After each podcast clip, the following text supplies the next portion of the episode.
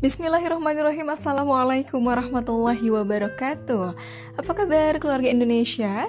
Selamat datang di Keluarga Bahri.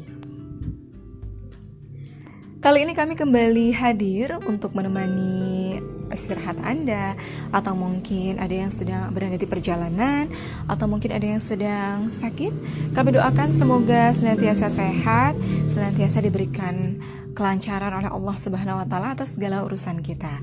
Nah, kali ini kami akan kembali melanjutkan pembahasan mengenai akidah Islam, yaitu Islam dari akar hingga daun.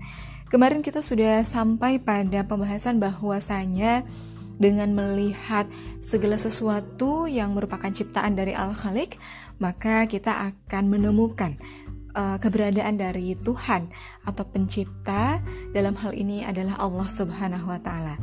Dan ternyata banyak sekali ayat Al-Qur'an yang memang mengatakan atau mengajak kepada kita manusia untuk senantiasa memperhatikan benda-benda alam dengan seksama dan melihat apa yang ada di sekelilingnya maupun yang berhubungan dengan keberadaan dirinya. Dan Ajakan itu sebenarnya adalah untuk dijadikan petunjuk akan adanya pencipta yang maha pengatur. Jadi di sini kita dapat lagi poinnya bahwa Allah itu bukan hanya sebatas Al-Khaliq atau Maha Pencipta. Akan tetapi Allah pun juga sebagai Al-Mudabbir atau yang Maha Mengatur. Sehingga sebenarnya Allah ini tidak akan pernah mungkin zalim kepada hambanya ketika Allah menciptakan sesuatu, ketika Allah menciptakan manusia di alam dunia ini, maka sebenarnya Allah juga sudah memberikan seperangkat aturan yang bisa kita jalani, yang bisa kita patuhi uh, untuk kita jadikan pegangan selama dalam menjalani kehidupan. Sehingga sebenarnya rumusnya sangat sederhana agar kita bisa selamat hidup di dunia dan juga di akhirat. Kita bisa berbahagia hidup di dunia dan juga di akhirat, tentunya bersama dengan keluarga-keluarga kita. Itu hanyalah dengan kita mematuhi setiap rambu-rambu, setiap aturan yang sudah Allah tetapkan kepada kita sebagai manusia melalui Rasulullah yaitu Allah sudah menurunkan Al-Qur'an melalui Nabi Muhammad SAW. Oleh karena itu kita akan dapati Islam sebagai agama atau adin dan juga sebagai nizamul hayat atau sistem atau peraturan dalam kehidupan sehingga kita pasti sudah sama-sama mengenal bahwa Islam ini adalah the way of life. Islam adalah jalan kehidupan.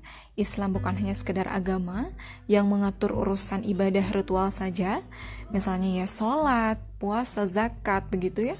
Akan tetapi Islam itu mengatur seluruh aspek kehidupan. Bahkan di episode pertama sudah kita sama-sama bahas bahwa Islam mengatur uh, hubungan kita dengan Allah, hubungan diri kita dengan diri kita sendiri, kemudian juga mengatur hubungan kita bersama dengan manusia-manusia yang lain, bahkan bersama dengan hewan, tumbuhan, dan makhluk-makhluk ciptaan Allah yang lainnya. Oleh karena itu, keluarga Indonesia sebenarnya Islam ini adalah ajaran yang sangat sempurna, ajaran yang sangat menyeluruh, sehingga tidak perlu lagi sebenarnya kita mencari-cari pegangan hidup yang lain, karena memang Islam sudah memiliki semuanya sehingga Islam ini adalah menjadi mabda atau ideologi yang harus senantiasa kita emban dan harus senantiasa kita sebarluaskan kepada yang lainnya. Karena mungkin tidak pasti uh, setiap orang itu sudah meyakini bahwa Islam itu adalah ideologi. Kan tetapi masih banyak yang menganggap bahwa yang penting saya sudah sholat, yang penting saya sudah zakat, yang penting saya sudah saum gitu ya di bulan Ramadan. Uh, dan mereka mencukupkan dengan itu saja. Akan tetapi lupa bahwa ketika kita bersosialisasi itu ternyata uh, harus menggunakan aturan Islam atau ketika kita sedang berniaga begitu ya ketika kita sedang bermuamalah ketika kita sedang uh, memenuhi segala sesuatu kebutuhan kita maka itu harus dikembalikan lagi kepada Islam. Kenapa? Karena saat ini ternyata banyak orang Islam juga yang menganut sekularisme. Apakah itu sekularisme? Sekularisme itu adalah memisahkan antara agama dengan kehidupan, sehingga banyak yang berpikir bahwa Yang penting saya sholat menutup aurat ketika di dalam masjid, ketika sedang sholat, begitu. Ketika sudah selesai sholat, maka aurat terlihat tidak masalah. Maka mengumbar lagi aurat tidak masalah. Nah itu adalah salah satu contoh dari sekularisme. Nah akan tetapi keluarga Indonesia ternyata memang walaupun Islam itu diperoleh melalui jalan akal atau jalan berpikir, akan tetapi tidak semuanya kita bisa mengandalkan akal kita. Kenapa? Karena memang akal kita ini terbatas dan juga sangat lemah. Dan ada sesuatu di luar akal kita yang tidak bisa kita jangkau. Contohnya adalah misalnya seperti zat Allah begitu. Kemudian misalnya ya hal-hal yang gaib ya seperti malaikat, kita tidak bisa melihat bagaimana wujud dari malaikat kecuali Rasulullah dan juga orang-orang terpilih begitu nabi dan rasul yang bisa bertemu dengan Allah di dunia. Kan tetapi kita sebagai manusia biasa tentunya belum bisa, tidak akan bisa untuk melihat itu semua. Namun insya Allah nanti di surga kita bisa bertemu dengan Allah dan itu adalah cita-cita tertinggi kita tentunya ya. Dan oleh karena itu, memang tidak semua bisa dijangkau oleh akal kita, maka di sinilah pentingnya kita juga harus mengimani karena adanya dalil nakli yang bisa kita dapatkan dari Al-Quran dan juga dari As-Sunnah. Kita cukup untuk mengimani saja, misalnya tentang kiamat.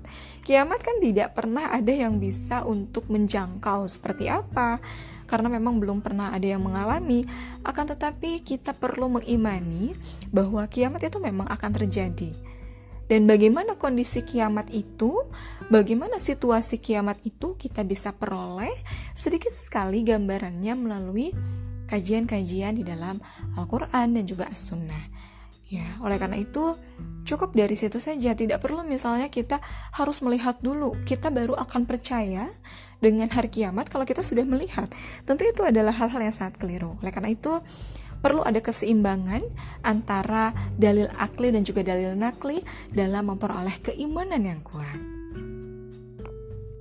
Nah, keluarga Indonesia jika kita ibaratkan, sebenarnya akidah ini adalah akar dan uh, daunnya itu adalah keterikatan kita kepada hukum syara karena keterikatan hukum kepada hukum syara itu adalah konsekuensi logis dari keimanan kita kepada Allah Subhanahu wa taala.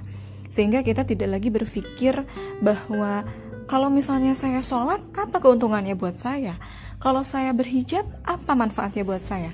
Tapi justru ketika kita akan menjalankan itu semua, kita kembalikan lagi bahwa itu memang adalah perintah dari Allah Subhanahu wa taala. Kan akidah kita sudah kuat, maka apa pun yang diminta oleh Allah tanpa kita memandang baik dan buruknya untuk kita dalam kacamata kita sebagai manusia, maka kita akan langsung mengerjakannya tanpa berpikir dua kali.